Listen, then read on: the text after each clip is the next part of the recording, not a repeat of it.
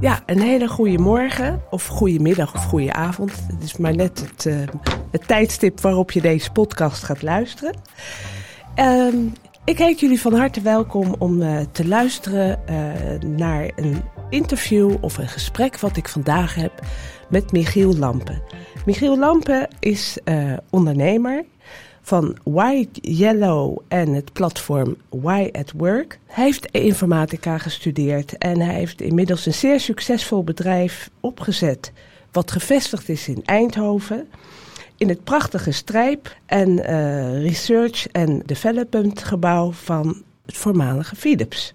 Michiel die heeft zich gespecialiseerd in onder andere uh, wat zijn de valkuilen van het hybride werken en ontwikkeld met zijn team apps waarbij organisaties en bedrijven die terug moeten naar een goede hybride structuur heel succesvol gebruik van maken. Welkom Michiel. Dankjewel uh, Monique. Ja, nou ik ben uh, Monique Bijlo uh, van Mac Spirit. Mac Spirit is een holistisch reïntegratiebedrijf.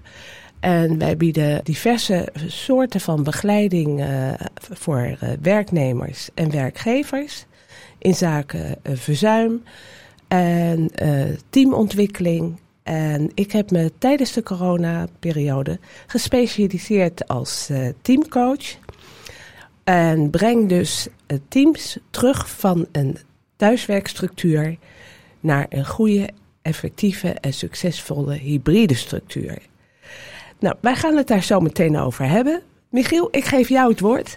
Ja, uh, dankjewel. Ik uh, uh, ben natuurlijk van de technologie, maar er komt veel meer bij kijken om succesvol, denk ik, thuis- en kantoorwerk te mixen. En, denk, dus ik heb een aantal vragen voor jou. En vraag 1 is, hoe ga je er nou voor zorgen dat de productiviteit in een hybride werkomgeving goed op orde is? Hè, voor de mensen thuis zit je natuurlijk, ja, thuiswerk, loopt thuis en pri werk en privé door elkaar heen. Het kan lastig zijn om productief te zijn, maar aan de andere kant heb je ook uh, managers die daar ook een bepaald gevoel over hebben. Hoe, nou ja, hoe regel je dit uh, op een goede manier? Nou, dat is een hele goede vraag. En uh, het, het, begint eigenlijk gewoon met het feit dat in ons land hybride werken een nieuw fenomeen is. Bij internationale Amerikaanse organisaties, daar zag je het al eerder. Maar bij, in, ons land is het door corona, het is een nieuw fenomeen. Iedereen is zoekende. En managers zijn niet opgeleid als hybride manager. Die cursussen moeten nog gemaakt worden. En medewerkers zijn ook niet opgeleid als uh, hybride medewerker. Dus wat je dus ziet, is dat die periode voorafgaand waar we nu in zitten, dat heeft mensen toch een beetje de vibe uit het bedrijfsleven gehaald. En uh, waar managers tegenaan lopen, dat is gewoon dat, dat die rol zwaarder is geworden. Ze moeten er gewoon veel meer moeite voor doen om alles geregeld te krijgen. En het kost ook gewoon meer tijd. En wat, wat ik doe, ik help ze dus om gewoon opnieuw te kijken naar hun team. En ik inventariseer eerst bij de medewerkers hè, alle onderstroom die er zit dus ontevredenheid, niet op hun plek zitten, eenzaamheid, uh, gebrek aan sociale cohesie, te weinig uh, input voor kennis, et cetera. Nou, al dat soort dingen inventariseer ik met medewerkers. Ik ga daar gesprekken, individuele gesprekken uh, met ze aan. En dan halen we eigenlijk voor zo'n manager heel veel informatie op. En we kijken daarbij ook van, wat zijn de functies op deze afdeling? Wat voor type structuur uh, zou hier passen? Weet je? En vooral, wat willen de medewerkers? En daarbij nog een belangrijk aspect. Wat kunnen de medewerkers? Ja, en, uh, want, want uh, uiteindelijk denk ik dat hybride werken iets anders is dan dat zeg maar, iedereen beslist uh, zelf wanneer die en waar die werkt. Hoe, hoe kom jij nou dan samen met zo'n manager en of medewerkers tot nou, hoe, wat werkt het beste voor iedereen? Hè? Want je haalt ja. dan op wat iedereen wil. Maar goed, het bedrijf of de manager wil natuurlijk ook iets. wat ja. niet per se een lijn hoeft te zijn. Ja, nou wat, wat, waar, uh, wat, wat de ontbrekende factor is en wat, waar bedrijven en organisaties in mijn optiek naar terug moeten, is het bieden van vaste kaders en richtlijnen. Dat is echt een, een, een groot gemis. En daardoor zie je gewoon dat een heleboel medewerkers maar een beetje zwalken of, of zwieberen en zwaaien. En ieder mens wil gewoon weten waar hij aan toe is. Hè? De een kan beter met vrijheid omgaan dan de ander. Uh, sommige mensen vinden het zelfs heel erg vervelend als ze niet weten wat de, wat de bedoeling is. Dus als je dus vaste kaders maakt, hè, dus dan hebben we een verplichte aanwezigheid, dan hebben we een vrijblijvende aanwezigheid. Ik ben zelf erg een voorstander van vaste dagen op kantoor. Dat je zegt, jij dinsdag en vrijdag en jij woensdag en donderdag, bij wijze van spreken. En we maken een jaarplanning. Hè? Dus in principe gaan alle agenda's open van zo'n team. En we gaan een hele jaarplanning maken. Dat iedereen weet gewoon, nou weet je, dat zijn de punten en, en, en de bijeenkomst. Daar moet ik bij aanwezig zijn. Dit gaat er gewoon uh, gebeuren. En we brengen ook de sociale cohesie daarin terug. Maar wat ook, ook een uh, belangrijk aspect is, iedereen gaat er maar van uit. Hè, want dat thuiswerken, hè, dat is natuurlijk door corona ontstaan, maar op een gegeven moment ook heel erg uh, directie gedragen. Doordat zij dachten van, goh, nou weet je, dan hebben we minder vierkante meters vloeroppervlakte wat moeten huren. Minder reiskosten, minder dit, minder dat. Weet je, en dat, uh, dat, nou, dat gaat zichzelf wel regelen. Nou, echt niet dus. Het regelt zichzelf helemaal niet. En eh, je ziet dus dat mentaal verzuim in Nederland gewoon nog steeds stijgende is. Volgens mij staan we nu op nummer 1 uh, uh, binnen Europa op dat gebied. Dus dan denk ik van ja, ontevredenheid onder werknemers, die is ook vrij groot. Dus dan loopt er iets mank. Ja. Hè? Iets klopt er dus niet. En wat, wat belangrijk is, is om gewoon ook te beseffen dat de gemiddelde medewerker in Nederland, met alle respect, niet zelforganiserend, zelfsturend, zelfmotiverend, et cetera is.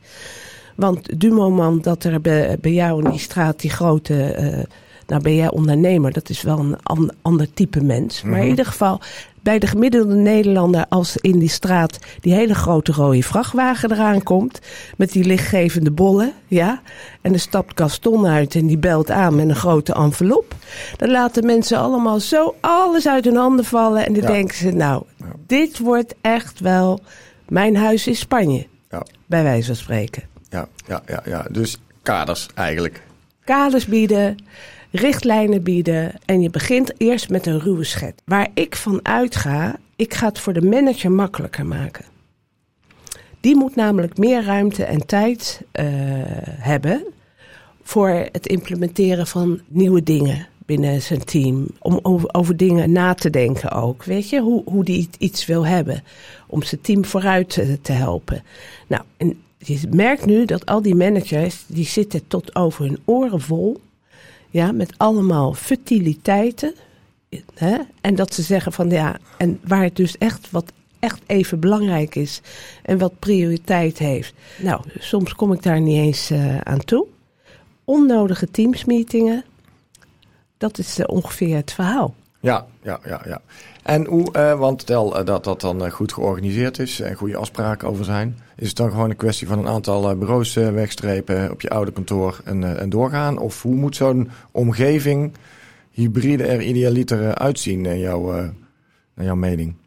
Nou, je ziet dus dat uh, veel uh, organisaties naar een andere huisvesting gaan. Hè? Dus, dus dan stonden heel veel, uh, vooral bij de, bij de grote, zeg maar de top 50 van de grootste organisaties in Nederland, stonden hun bedrijfspanden in de etalage tijdens corona al. Ja, ja, ja. En, dus die gaan naar een kleinere huisvesting. Nou, als je naar een kleinere huisvesting gaat, ik, ik heb dat al een paar keer meegemaakt. Hè, dat uh, gekozen was voor een kleinere huisvesting. En dat ze zeiden van ja, uh, nou willen we een, een uh, hybride structuur hebben. En ja, als jij natuurlijk 600 medewerkers hebt op een standplaats. En je hebt eigenlijk werkplekken voor 100 medewerkers. Dan zal je daar gewoon dat moeten gaan organiseren.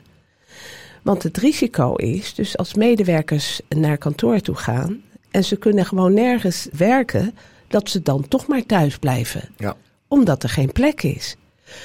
En je zult ook de mensen die elkaar moeten ontmoeten, die elkaar ook echt nodig hebben, daar zul je fysieke ontmoetingen voor uh, moeten organiseren. En wat je dus ook merkt, dat er heel veel kennisachterstand is. En dat een heleboel medewerkers, hè, die bijvoorbeeld online zijn aangenomen tijdens corona, de helft van hun team nog steeds niet hebben gezien. Weet je, op papier wel weten waar ze zitten, maar die missen ook heel veel informatie. Nou, daar zou je gewoon wat mini-teams, meetingen, voor moeten inplannen. Hè, die echt op de inhoud gaan en op uh, kennisontwikkeling. Ja, dus, ja oké. Dus het gaat er niet alleen om het mensen laten werken, maar ook andere dingen organiseren om uh, ja. ja. die sociale componenten weer uh, terug te krijgen op de een of andere manier. Ja, en zeker gewoon bij de bedrijven die ervoor gekozen hebben om naar een, een, een, een kleiner pand toe te gaan. Ja, die moeten gewoon een medewerkers gewoon vaste dagen bieden. Weet je, dat is gewoon. En het vinden, de meesten hebben daar eigenlijk ook helemaal geen moeite mee. Want die weten gewoon van, oh, dan moet ik dat doen. En de rest eromheen heb ik gewoon zelf de ruimte om daar uh, mijn werk omheen te organiseren. Ja, ja, ja. En, en, en ik kan me voorstellen dat veel managers toch ergens stiekem het in hun hoofd hebben van hoeveel meters kan ik besparen. Wat, wat, en, en, en misschien ook de vraag, ja, ik heb zoveel mensen, hoeveel werkplekken moet ik dan eigenlijk hebben in een gezonde hybride werk? omgeving. Zit er al een ratio tussen? Ja, nou, ik denk gewoon uh, dat als, als jij uh, zeg maar 500 mensen hebt, mm -hmm. dan moet je 250 werkplekken hebben op je nieuwe huisvesting. Ja. En geen 100. Nee, dat ga je het nooit redden, denk ik. Dan ga je het echt niet redden. Nee, nee. Het is gewoon een heel simpel rekensommetje. Ja, maar dan zeg je dus eigenlijk, betekent dat dan ook, je zegt nou, grofweg uh, richting de helft van de tijd Wordt, is het wel handig om mensen uh, op kantoor te hebben? Ik denk gewoon dat voor het behoud van de verbinding, de betrokkenheid en ook dat het belangrijk is om mensen gewoon ook de, minimaal de helft van de tijd op kantoor te houden. Hè? Ja. Er is bijvoorbeeld een, uh, een nieuw model. En dat heet de piramide van, uh, ik weet niet of ik het goed uitspreek. Lencioni, ja. Mm. En die heeft het over het team van gedoe en het team van succes. En uh, hij stelt daarin, uh, er zijn een aantal dingen die in het team van gedoe de hoofdrol spelen.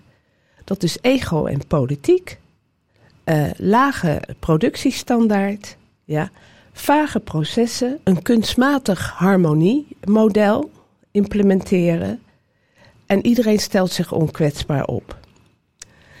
Nou, en als je wil, hè, dus in, in een hybride structuur, als je wil naar resultaat, verantwoordelijkheid, betrokkenheid, uh, vertrouwen, hè, ja, productiviteit. Nou, dan is het uh, de regels voor een team van succes, hè, dat je goed samen gaat werken, ja, om, om een resultaat te behalen. Dat iedereen zich verantwoordelijkheid voelt voor mhm. het resultaat. Mm en dat iedereen, en daar, daar komt zich volledig commit aan het team. Nou, weet je, daar gaat het dan mank, die voel jij ook al. Ja, ja, ja. Ja. En dat je de spanning gebruikt als brandstof om energie te leveren. Hè? Dus dan gaan we uit van een positieve spanning. En dat iedereen zich kwetsbaar durft op te stellen als het niet goed gaat. Ja, ja, ja. Ik denk, fantastisch. Dat heeft die man echt heel goed in kaart gebracht. Ja, dus uh, ja, ja, maar regel dit maar eens eventjes in je bedrijf. En regel dit maar eens eventjes, ja. want en, en ik heb, nou, ja, kan als, eh, als ondernemer ook een beetje uit eigen ervaring plukken. Want dat is niet zo simpel, uh, naarmate mensen meer en meer uh, thuis werken. Zeker in sectoren waarin de arbeidsmarkt nogal overspannen is.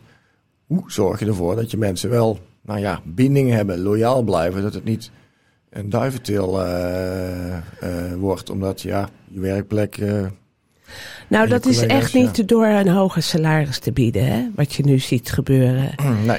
En uh, je, je ziet dus ook wel, um, ik spreek met veel HR-managers en die irriteren zich aan het feit dat het eerste vraag is in een sollicitatiegesprek: hoeveel uur mag ik thuiswerken?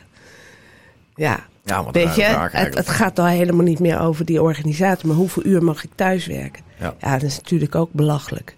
En het is natuurlijk wel de tijd dat we daarin naartoe gaan. En dat is natuurlijk allemaal prima. Maar dus uh, het is een beetje, vind ik, dat we een beetje naar, ja, ik noem het dit soort type medewerkers, de verwendicapten. ja, die wil je, die wil je als, als werkgever echt niet hebben, weet je. Dat, die werknemers die dat als eerste vraag stellen in een sollicitatiegesprek. Dus e, even terugkomend op jouw vraag van hoe zorg je dat het geen duiventil wordt? Ja, dan denk ik toch dat we weer teruggaan naar die vaste kaders. Hè? Ja. Mensen willen van nature toch ergens bij horen. Je hebt natuurlijk type medewerkers die denken van, nou ja, weet je, ik wil niet te veel verantwoordelijkheid, ik wil niet te veel gedoe, ik wil niet te veel op mijn vingers gekeken worden, ik wil niet te veel van alles en nog wat. Ik wil alles een beetje op mijn eigen manier doen. Nou, hartstikke leuk. Maar in principe gaan zij op den duur zich ook ontevreden voelen over zichzelf. Ja, ja. Weet je, het is natuurlijk veel leuker als je gewoon met een team werkt aan doelstellingen. Daarom is het ook belangrijk dat die jaaragenda open gaat. Weet je, dat in die jaaragenda ook goede vergaderingen worden ingepland waarbij iedereen aanwezig is. Ja. Waar besluit, dat tijdens die vergadering is het doel besluitvorming over een aantal, aantal aspecten. Dan is het denk ik ook heel goed dat een manager, ja, als die vergadering maandag plaatsvindt met dat hele team, op woensdag al de agenda doorstuurt, waar dus besluiten over genomen moeten worden. Ja. En ik denk ook dat je de sociale cohesie terug moet brengen. Je ziet bij een heleboel bedrijven dat gewoon bedrijfsrestaurants weg worden bezuinigd. Nou, dus, het is nog wel een koffieplaza. En tegenwoordig is het helemaal in dat er van die koelkasten met die glazen deuren op, op de gang staan. Ja. En er zitten dan van die gezonde snacks in. Ja, ja zogenaamd. En uh, ja, dat is natuurlijk ongezelligheid ten top. Ja. Dus als manager moet je gewoon wel zorgen dat je één keer per maand met je team eet. En als dat gewoon niet in de kleinere huisvesting of het bedrijfspand kan, dan ga je op een externe locatie zitten, dan huur je dat af. Eén keer per maand heb je vergadering, doe je lunch erbij, iedereen komt, hartstikke gezellig. Ja, ja, ja. ja, ja, En gewoon uh, regel de maandelijkse borrel maar weer in op donderdagavond. Ja. Ja. Van vijf tot zeven, een bitterbal erbij. En uh, ja, in een Grand Café, weet je, dat mensen elkaar kunnen ontmoeten. En ik denk dat dit, deze twee stappen ja ook al bijdragen tot het begin van uh, het opzetten van de nieuwe sociale cohesie. Ja, ja eens. Ik denk dat na het plezier uh, moet je organiseren aan de ene kant. Ja. En een beetje werkdruk is ook niet erg. Dan weet je ook waar je het voor doet. Hè? Ja. Maar je bent tevreden over iets wat je bereikt samen. Ja. ja.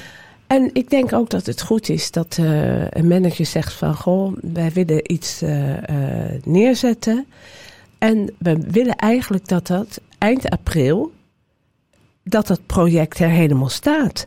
Ga dan ook projectmatig en betrek je mensen daarbij. Want dan gaat iedereen wel rechtop zitten. Oh, eind april moet dat er staan. Ja, ja, ja. Hè? En uh, nu is dat bij een aantal organisaties is dat gewoon al heel gebruikelijk. En die hebben ook een dienstverlening of een productontwikkeling. Hè, dat ze met deadlines werken. Maar ga gewoon ook inderdaad gewoon met, met, met data werken, met deadlines. Ja. Want dan, weet, dan, dan creëer je ook gewoon meer verbinding. Want dan heb je elkaar nodig om dat te realiseren. Ja, ja, ja. En als je dit nou allemaal uh, keurig uh, volgens de theorieën organiseert en afspreekt en regelt met elkaar, is er nog steeds geen garantie dat iedereen één goed zijn werk doet, maar twee ook mentaal uh, er lekker in zit, zeg maar. Uh, hoe kan je dat nou? Want ja, zeker als mensen de helft van de tijd niet meer in je buurt zijn. Uh, ja. Het praatje pot bij de koffieautomaat, hoe is het thuis?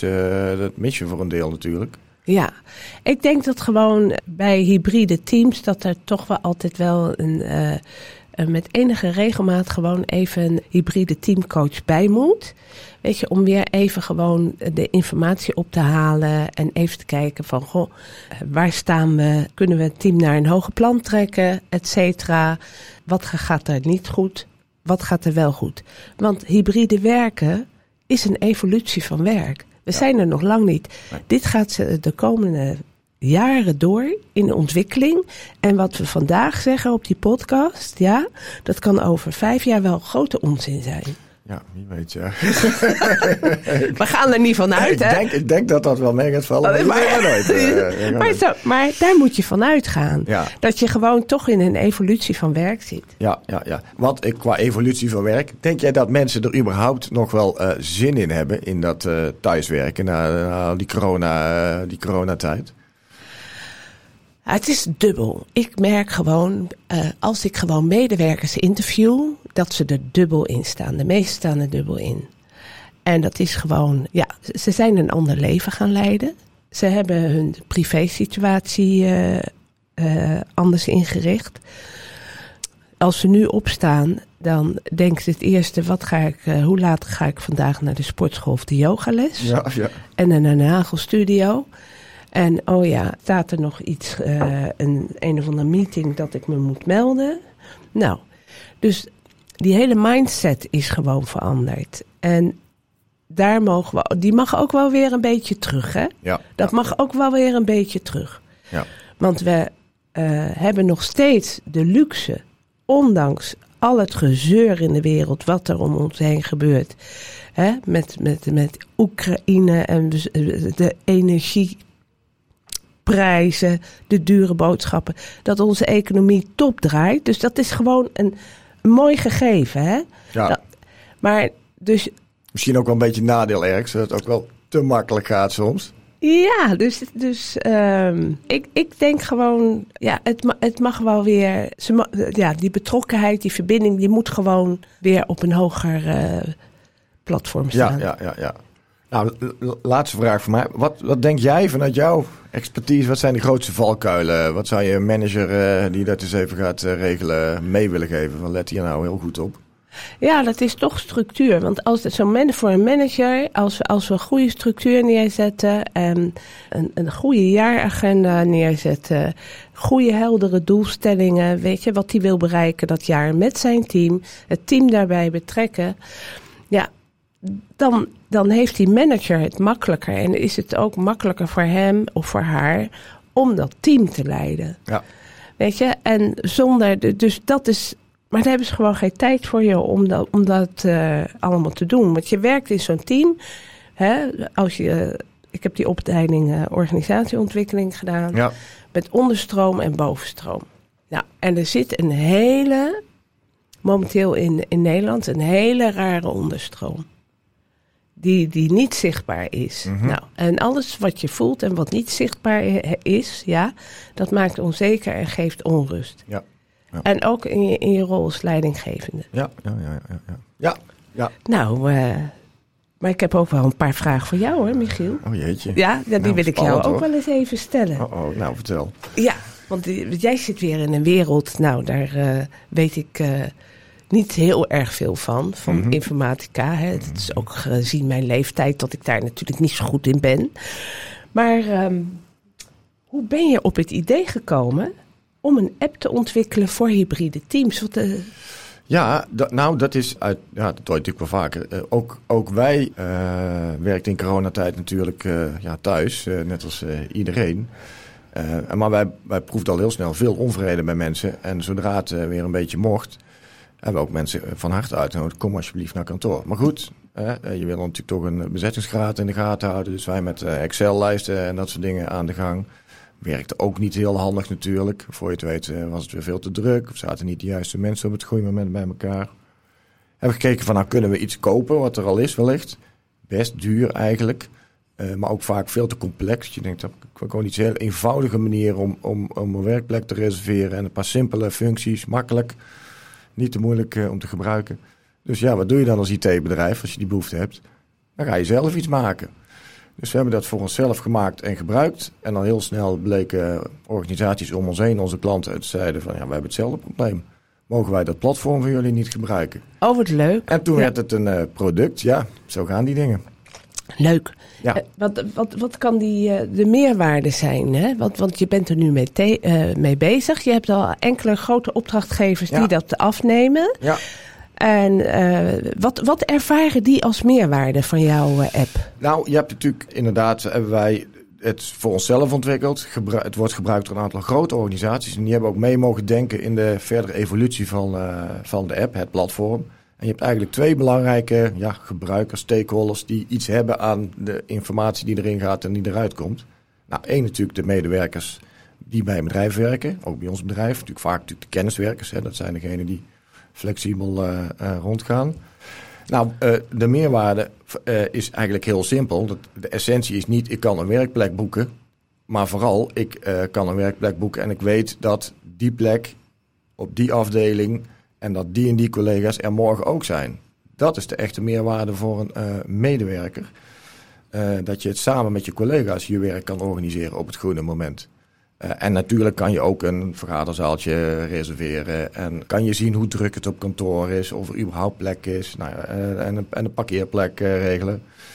maar de essentie zit hem eigenlijk op die sociale component rondom samenwerken op kantoor. En en passant, als iedereen uh, dat goed zeg maar, doet, dan heeft het natuurlijk ook veel, uh, de data die op die manier verzameld wordt, veel waarde voor de werkgever. Want um, uh, veel managers kijken natuurlijk toch stiekem een beetje naar de kostenbesparingspotentieel.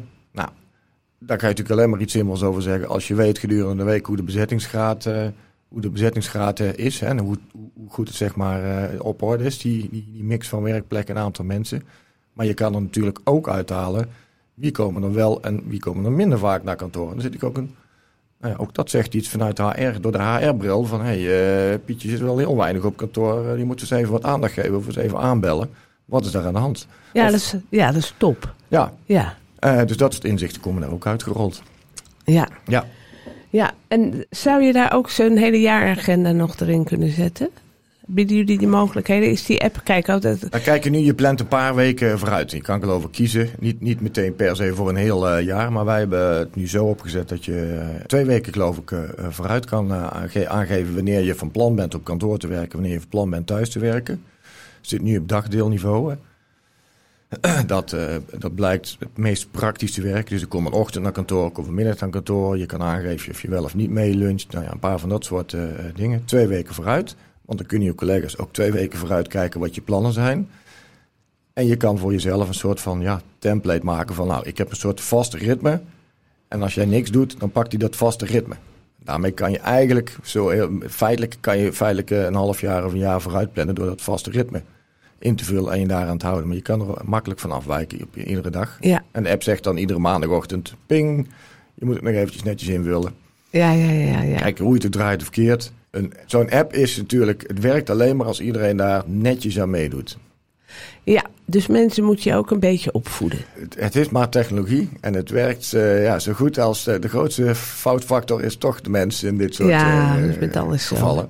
Ja. En uh, wat, ja, wat we hebben gedaan in de app is gewoon het zo simpel mogelijk maken met zo min mogelijk handelingen kunnen, kunnen aangeven wat er nodig is voor al je collega's en je manager om te weten ja, hoe het allemaal loopt deze week. Ja, dus eigenlijk aanwezigheid en afwezigheid is veel beter meetbaar. Hè? Ja, ja. Dus daar zit ook een beetje in wat, uh, uh, wat je kan uh, zien, hoe betrokken en een medewerker is met zijn team. Ja. Dat kan je er toch wel uithalen. Daar kan je trends uithalen, zeker. Daar kan je trends uithalen. Dat Ja. is toch fantastisch? Ja, ja, ja. En nou adviseer jij natuurlijk ook al uh, enige tijd uh, organisaties hè, met deze app.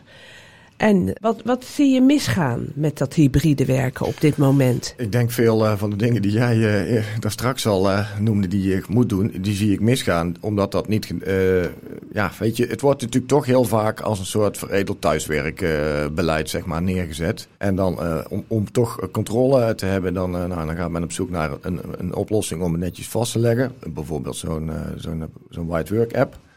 Maar daarmee ben je er natuurlijk niet. Dan gaat het niet vanzelf goed. Nee. Uh, en ik zie het vooral misgaan op het maken van enerzijds goede afspraken met elkaar.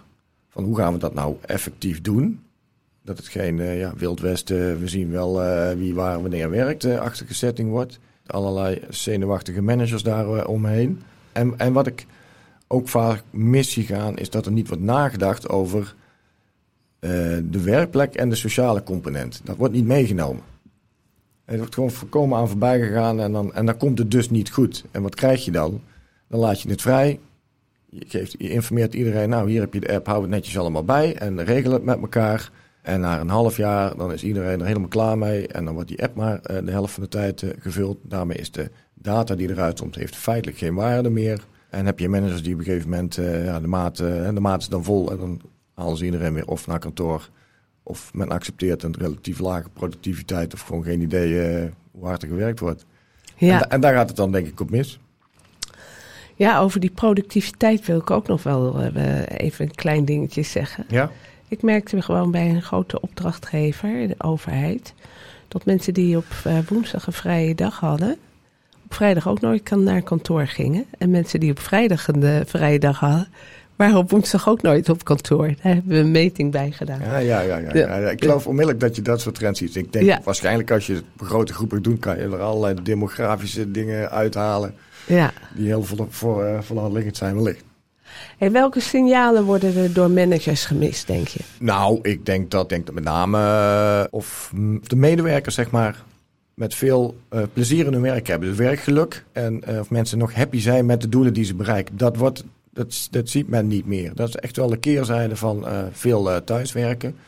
En daar moet je beleidsmatig dus heel veel dingen omheen gaan organiseren. En als ik kijk naar ons bedrijf, wij zijn natuurlijk een IT-bedrijf. Wij werken agile, scrum. Heel gebruikelijk, zie je steeds meer en meer. of ze nou bij ons thuis werken of op kantoor werken of ze bij klanten. Iedere ochtend uh, is er een stand-up meeting. Uh, en er is iedereen bij, is een kwartiertje. Dan doen we een heel klein rondje. Maar dan weet je, staat, staat iedereen wordt in een werkstand gezet. Dan moet om negen uur s morgens. Geen excuus. Oh, mensen van de klant ook gewoon in een, uh, in een call erbij. Een soort dagstart dus? Ja, een soort dagstart. En werkt ja. hartstikke goed. Dan staat iedereen... Ja, ja je gaat natuurlijk niet, uh, denk ik, ga eerst in de sportschool... en dan om een uur of tien begin ik en dan werk ik door tot acht uur. Dat kan natuurlijk niet als je om negen uur je dagstart hebt. Ik uh, vind dit een top idee. Ik ben namelijk ook een voorstander van de dagstart. Ik heb het bij een grote organisatie met moeite en pijn erin gekregen, maar ik, die managers en die zijn er nu super blij mee. Ja, ja, ja, ja. ja kan me voorstellen. Nou ja, in die zin misschien uh, hè, tips voor misschien wel in heel veel andere sectoren dan IT. Uh, Agile, Scrum uh, is denk ik een methode die heel goed past bij zo'n hybride werkwijze. Wat zijn momenteel de ervaringen van managers en organisaties die al met jouw app werken, Michiel? Wat krijg je terug? Uh, nou, heel wisselend. Hè. Er zijn ook organisaties die het fijn vinden dat er een middel is waarmee de zaak netjes geregistreerd kan worden. Ja. maar er zijn een aantal bedrijven die heel serieus zeg maar, hebben ingezet op hybride werk. En dan is een, deze app, dit platform, maar een heel klein element van. Die het gewoon echt als beleid hebben ingezet. Een goed voorbeeld daarvan, en dat is ook een van de grootste partijen die er gebruik van maakt en heeft geholpen bij de evolutie, is BDO. Eh, BDO heeft er hele beleid op de schop gegooid. Accountants. Ja, ja, ja. Die hadden, uh, ja, ik misschien niet zeggen, die had natuurlijk van die relatief suffe kantoren op hele suffe bedrijventerreinen. Waar dan heel leger met hele grote leaseauto's en dan gingen ze aan werken. Hebben ze niet gehoord, niet luisteren. Maar die hebben gezegd, we willen terug naar minder kantoren. We willen weer op A-locaties, goed te bereiken met openbaar vervoer. Uh, in de buurt van uh, nou ja, leuke dingen eromheen. Uh, aantrekkelijke, meer een veel socialer gebeuren zeg maar, op de werk, op kantoor zien te organiseren. Nou, hebben ze ook gedaan. Hebben ze helemaal tot in de puntjes uitgevoerd, ook beleidsmatig. Gewoon eigenlijk een hele reorganisatie. Totale reorganisatie. Cultuurverandering. Ja, ja. En, en wat zie je daar? Daar hebben ze die app dus ook gebruikt. Maar omdat dat allemaal zo goed beleidsmatig is neergezet, gecommuniceerd. Iedereen is er meegenomen. Het is ook een verandering van werkomgeving. Dus niemand gaat meer naar zijn oude kantoor die deze app gebruikt. Want je gaat naar het nieuwe kantoor. En tegelijkertijd werd de app geïntroduceerd. Dus het was een soort van, ja, uh, dat, uh, dat, werd heel makkelijk, ja, zeg maar door iedereen geadopteerd. en daar werkt het fantastisch. En nou, weer wekelijks contact over allerlei ook nieuwe rapporten die we voor ze maken. Nieuwe inzichten. Want ja, naarmate je meer data verzamelt, wordt het natuurlijk interessanter. Als je het goed doet, werkt het top. Zet je het alleen in als, uh, ja, nou ja, goed, als een veredelde Excel. Uh, nou, dan doet het natuurlijk andere dingen voor je organisatie. Dat mogen, mogen duidelijk zijn. Ja, en, eh, en hoe, hoe zie jij het belang van een hybride teamcoach in het werkveld, hè? Ik denk, ja, ik denk, uh, nou ja, ik denk dat dat ja, ik zou iedereen adviseren, mocht je hier echt uh, structureel naartoe willen qua werkwijze, ga dat dan niet alleen organiseren. Want het vraagt zoveel ervaring, ook negatieve ervaringen bij andere organisaties, waarbij je mensen kunt gebruiken die daarbij kunnen helpen.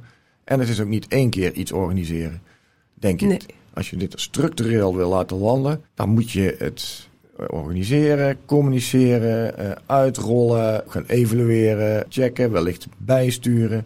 Ja, is de gemiddelde manager nou de aangewezen persoon om dat allemaal in de stijgers te zetten? Vraag me af. En ik denk dat uh, een, ja, een hybride teamcoach-achtige rol het veel beter kan doen. En zeker ook als er, maar ik kan beter jou vragen, als medewerkers misschien toch helemaal niet happy zijn met dat soort beleid. Hoe, ja, waar, waar kan je dan in vertrouwen dat ongeluk zeg maar uh, meedelen? Ja, nou, en, en, en in, in principe wat de rol van een hybride teamcoach ook is, is dat die zorgt dat inderdaad uh, de ontevredenheid of onderstroom naar boven wordt gebracht, dat zichtbaar wordt gebracht. En dat dan ook op een uh, hele humane wijze dat er gewoon uh, iets ja. mee wordt gedaan. Ja. Weet je, dus de mensen moeten gehoord worden. Hè? En wat ik ook altijd doe, dat is dat in, we maken een plan van aanpak. En we verwerken dus eigenlijk alle ideeën van de medewerkers in het plan van aanpak. En vooral het, als eerste de ideeën die weinig geld kosten. Hè? Want dat ja, hoef je als manager helemaal geen akkoord voor te vragen. Dus dat kan je lekker zelf doen. Ja. En dan zie je gelijk al dat mensen rechtop gaan zitten. En dat ze denken van, hé, hey, uh, hey, ik zie mijn idee terug. En dat doen we eigenlijk binnen, binnen drie, vier maanden. Ja. Maar jij bent natuurlijk heel erg gespecialiseerd in die informatica-specialist en ondernemer, uh, in die digitalisering. Ja. En hoe zie jij digitalisering en hybride werken over vier jaar? Heb jij daar een visie over? Oeh, dat is een hele lastige, want uh, als je kijkt wat Jouw er, toekomstbeeld. Uh, ja, ja, ik weet het. Maar technologie, uh, alles wat digitaal is, dat vooral is, daar hebben we natuurlijk gezien, zo enorm tempo veranderen dingen. Dus ik denk uh, dat alles wat met hybride werken te maken heeft, ook nog in een enorm tempo uh, gaat veranderen. En hopelijk beter gaat worden. Ik denk dat het principe niet meer weg te denken is. Want wij uh, als mens, zoals wij in de maatschappij staan, zullen vinden dat als medewerker gewoon belangrijk. hoe dat mixen, zeg maar, werk en privé. Maar wat er digitaal gezien mogelijk zou kunnen gaan veranderen. Ik denk dat je werkplek veel slimmer gaat worden in de toekomst. Denk aan uh, allerlei slimmigheid in je, in je bureau of in je, kan, in je bureaustoel. Uh, waarbij het makkelijker is. Ergonomisch uh, ook? Ja, ergonomisch. maar misschien komen we wel op het punt dat je op een gegeven moment in je bureaustoel gaat zitten en dat hij zich vanzelf zet naar jouw profiel, zeg maar. Je zit in je stoel en hij weet gelijk dat jij het bent die op die stoel zit, waardoor je niet meer op het knopje in zo'n app hoeft te drukken. Maar ik denk ook naar de thuiswerkplek, dat daar nog een enorme winst is behalen. Je kan het natuurlijk als werkgever feitelijk niet maken als je je mensen de helft van de tijd uh, wegjaagt uit je kantoor. Om hem dan op een kantoor, uh, op, op zijn zoldertje met uh, twee oude beeldschermpjes die nu ergens in mijn magazijn liggen. Nou, succes ermee. Ja, het mag ook niet meer, hè? Dit is een wetgeving, nee, hè? Daar is er Ja. nog enorm veel te winnen om dat ook veel ergonomischer te maken, prettiger te maken. Kijk naar webcams en technologie die daarmee te maken heeft. Misschien zitten we over drie jaar met een, eh, met een, eh, met een Google Glasses op eh, te beeldbellen met elkaar. Waardoor het echt veel dichterbij voelt dan dat schokkerige beeldje op Zoom of Ja. op, op Teams wat we, nu, wat we nu hebben. En, maar ja, ik zou het me kunnen voorstellen. Want alle werkgevers zijn natuurlijk druk bezig om toch uh, hun nieuwe werkplek optimaal in te richten. Met zo min mogelijk werkplekken. Met zo'n leuk mogelijke vibe voor alle collega's. Maar stel je nou eens voor dat alle werkgevers in Nederland dat aan het doen zijn. En dat de behoefte aan flexplekken ook wis wisselt. Hè? Want je zei het net al, woensdag en vrijdag zijn misschien populaire dagen om vrij te zijn. Dan zit je nog steeds met je lege kantoor. Met 250 werkplekken en 500 mensen. Misschien kan je wel iets uh, slims met elkaar organiseren. Dat past natuurlijk heel goed bij de trend van de deeleconomie. Waar je zegt, moet ik als werkgever dat kantoor, moet dat helemaal mijn kantoor zijn? Of kan ik een deel van mijn kantoor ook openstellen voor de buurman die dan toevallig morgen wat meer behoefte heeft? Ja, Eh, dat soort ja. trends. Eh, en daar speelt natuurlijk digitalisering, eh, data, real-time inzicht natuurlijk een enorme eh, rol in, denk ik. Eh, dus we gaan nog, denk ik, wel interessante dingen op ons pad komen op dat vlak. Ja, ja. Nou, super bedankt voor je input. En dank voor het gesprek. Graag Wij gaan elkaar nog wel ontmoeten, Zeker. denk ik. Ja, denk ik ook. Ja, nou, eh Michiel Lampen van Why Yellow en het platform Why at Work en Monique Bijlo van Mac Spirit. Dank jullie.